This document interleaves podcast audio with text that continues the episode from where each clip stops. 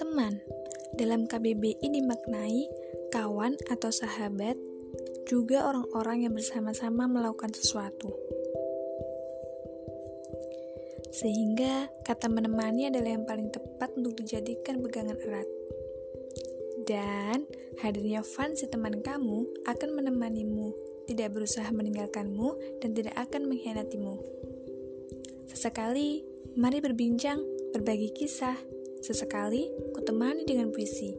Intinya, aku tidak mau kamu sendiri. Jadi, selamat berteman dengan Fun.